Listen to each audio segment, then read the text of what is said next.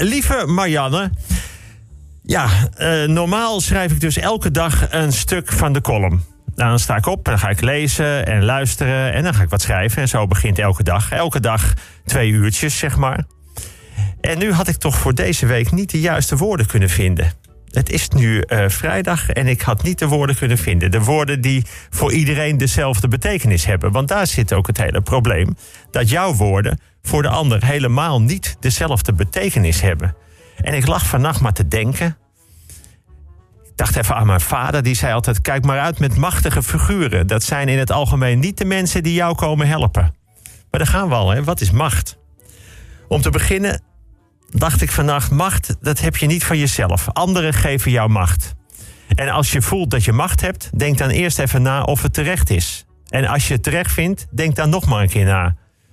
En als je na heel veel herhalingen nog steeds vindt dat je macht hebt, besef dan ook dat je verantwoordelijk bent voor degene die jou die macht geven. En kijk nog eens goed waarom ze dat doen. Als jij ergens binnenkomt en iedereen houdt zijn mond, dan ben jij een deel van het probleem. Als iedereen met je meepraat, hetzelfde. Macht is dus eigenlijk helemaal geen positief woord. Behalve als je het gebruikt om anderen kracht te geven. Zei mijn vader ook. Kijk maar uit voor de mensen die te veel in zichzelf gaan geloven. Die willen vooral in stand houden wat ze hebben en vervolgens steeds meer. En ik lag maar te draaien. En mijn vrouw die zei, wat lig je toch te draaien? Ik zeg, ja, ik heb die woorden niet. Zegt ze, nou, dan zeg je er deze week toch niets over.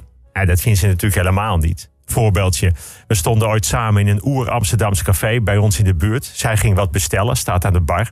Komt een man naast haar staan om ook iets te bestellen... en die legt een hand op haar schouder langzaam glijdend naar haar rug met een glimlach, zegt de voortreffelijke barvrouw tegen die man: hey, blijf even van die vrouw af, viespeuk. Denk je dat zij op jou zit te wachten? Doe normaal, man, ga weg. En laat ik het niet merken dat je dat nou trots aan je vriendjes achterin staat te vertellen. Wegwezen. Als ze terugkomt met een biertje en een wijntje, zeg ik: Nou, is goed, wijf achter de bar. Waarop zij zegt: Het is een vrouw. En waarom zeg jij niks? Of doe jij dat soort dingen ook? Kortom, ik moet wel wat zeggen. Maar voor de duidelijkheid, niet van haar. Maar omdat ik dat vind, nou, daar gaan we al. Woorden. Dit voorbeeld doet ook helemaal geen recht aan wat er nu is gebeurd. Maar ik bedoel, ja, dit is de situatie op schaal. Ik kan het hebben over macht. Maar als man over de angst en de gevoelde druk van een vrouw, dan weet je dat je er altijd naast zit. Ja, tuurlijk, ik kan ook vals lachen met een groepje vrienden. Maar ik ga er dan wel vanuit dat wij. Nou ja, kijk, daar gaan we alweer. Ik kan dat dus niet onder woorden brengen.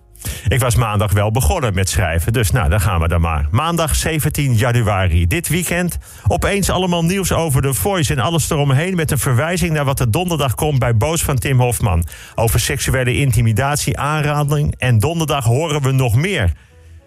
En ik denk, in een flart zit je dus met je rug naar het podium, draai je je stoel en dan zit opeens iedereen wel gewoon achter zijn instrument. Dan heb je het niet gezien. Maar het is er wel bij de Boys of Holland. De geest is uit de fles. En het is nog maar een aankondiging. Het is een aanloopje vanaf verschuilen achter een grapje... of zo gaat het nu eenmaal, of doe niet zo moeilijk. Dat kan niet meer. Om mijn collega-columnist Johan Frets te citeren... als de bedoelingen onzuiver zijn, is het nooit gelijkwaardig. Of zoals Anouk het op een makkelijkere manier ook duidelijk heeft gezegd... I'm nobody's wife.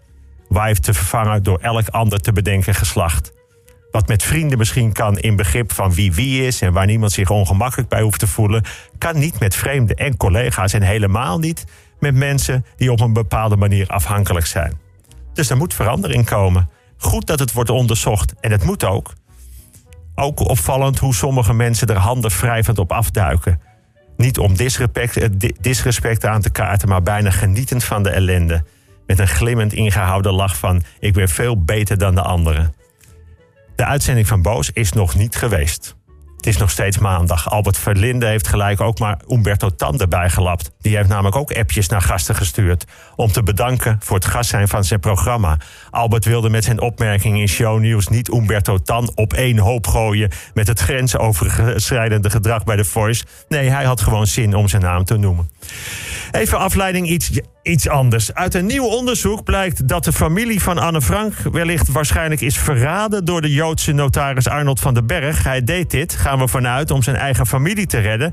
Hij had als prominent lid van de Joodse Raad misschien toegang tot de lijst met adressen van onderduikers.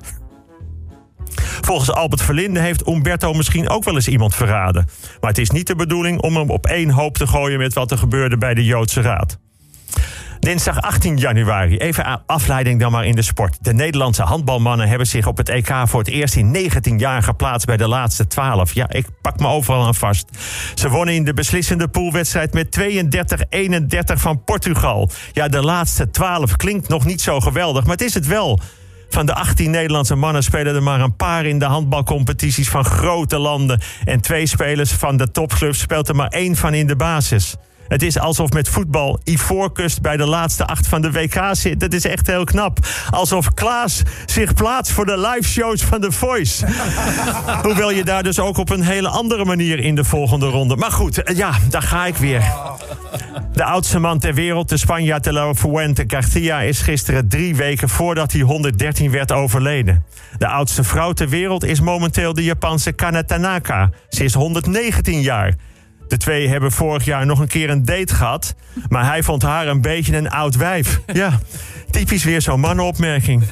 Maandag 19 januari, dan maar even afleiding in de cultuur. Want de cultuursector heeft goed van zich laten horen. Het was een waarlijk feest in Theater Kapsalon. In het Kapsalon Theater.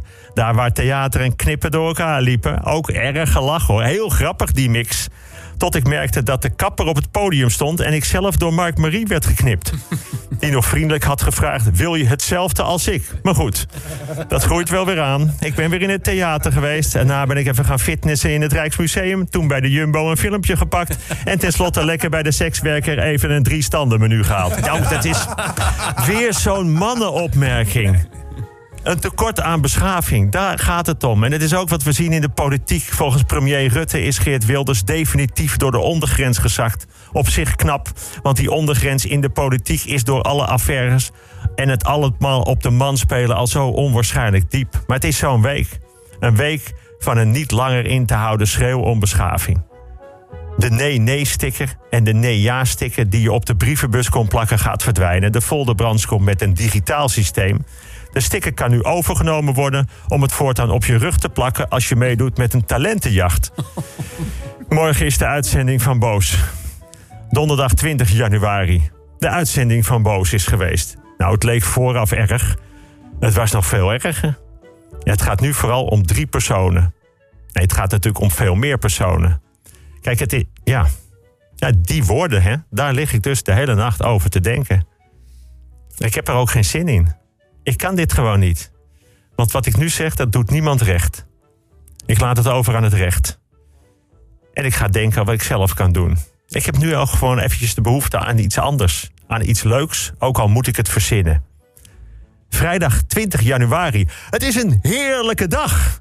Kijk naar buiten, het is lekker weer. En als het geen lekker weer is, dan is het het toch.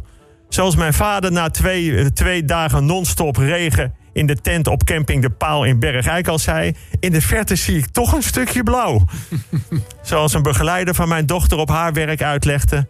probeer gewoon elke dag een mooi, goed, waardevol moment... zo bewust mogelijk mee te maken. Een blijk van waardering, een leuke kennismaking, een grapje... een levenswijze quote van een oude oma... een bemoedigend knikje van een voorbijganger... en als je de dag terugdraait, ook een zware dag... kom je die momenten toch ook tegen.